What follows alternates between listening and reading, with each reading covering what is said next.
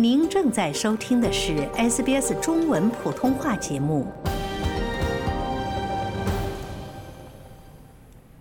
本月初，联邦政府公布了拟议的新车能源效率标准，目前正在进行为期一个月的咨询。该标准类似美国的排放标准，将催迫汽车制造商遵守燃料效率预算，并且在销售排放较多、耗油量较大的汽车以外，增加出售更多低排放或零排放车辆。因为品牌销售新车总排放超过当局设定的碳排放配额，厂商会面临罚款。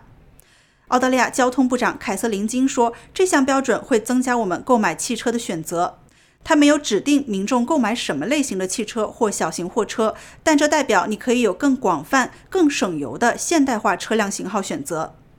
据了解，目前美国出售的新车平均比澳大利亚的少用百分之二十的燃油。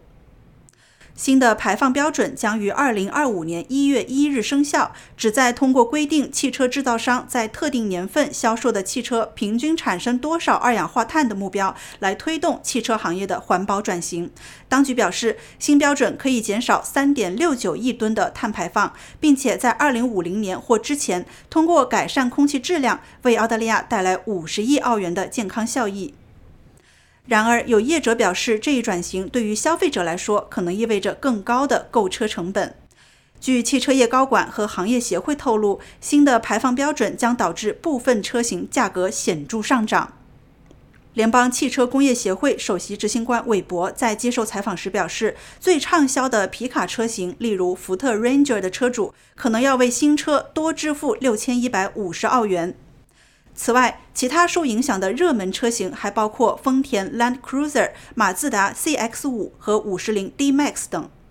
反对党领袖彼得·达顿甚至批评称，政府计划实施的排放削减措施实际上是对新车的一种税收，进一步加剧了消费者的担忧。尽管环保型汽车，例如电动车的价格预计将受到相反的影响，但韦伯强调，政府需要正确对待这一转型过程，不要仓促做出任何决定。他指出，电动车并不适用于每个人，而且价格昂贵。此外，充电基础设施的建设也是一大挑战，特别是对于住在公寓楼里的人来说。他还敦促政府分享其提案背后的建模，并表示担心澳大利亚人对大型 SUV 和皮卡的喜爱可能会受到排放上限的威胁。根据政府计划推行的模式，从2025年到2030年末，乘用车、SUV、货车、重型货车和大型皮卡的排放量必须减少60%以上，年平均减少12%以上。而根据2023年澳大利亚十大畅销车型的排放数据，2025年皮卡和货车的排放将需要下降10.3%，然后到2030年下降62%。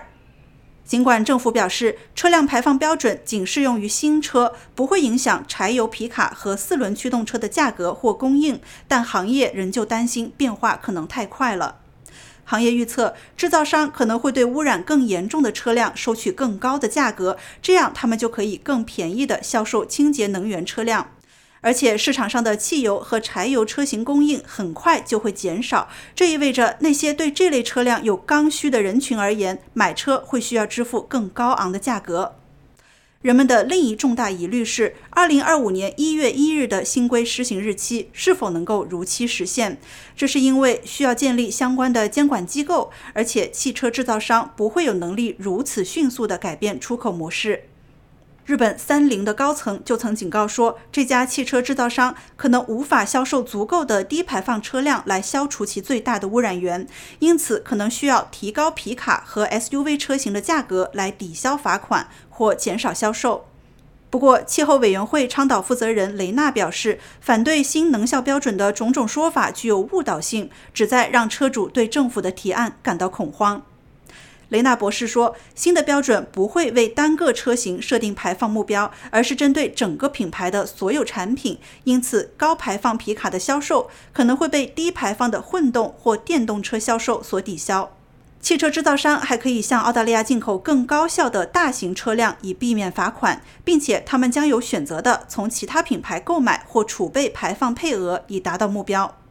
环保组织 Greenpeace Australia 太平洋地区活动负责人拉法洛维奇将燃油效率标准比作公路限速，并表示汽车制造商不会简单的无视规则。他说。澳大利亚的汽车公司会继续在高速公路上飞驰，无视新的限速，然后将罚款转嫁给客户。这种想法是不诚实的，与显示这些计划运作方式的实际证据相悖。澳大利亚电动汽车协会全国财务主管戴伊则表示，汽车厂商对燃油效率标准并不陌生，全球汽车市场百分之八十五都受其影响。他指出，美国几十年来一直实行燃油效率标准，行业已经适应了。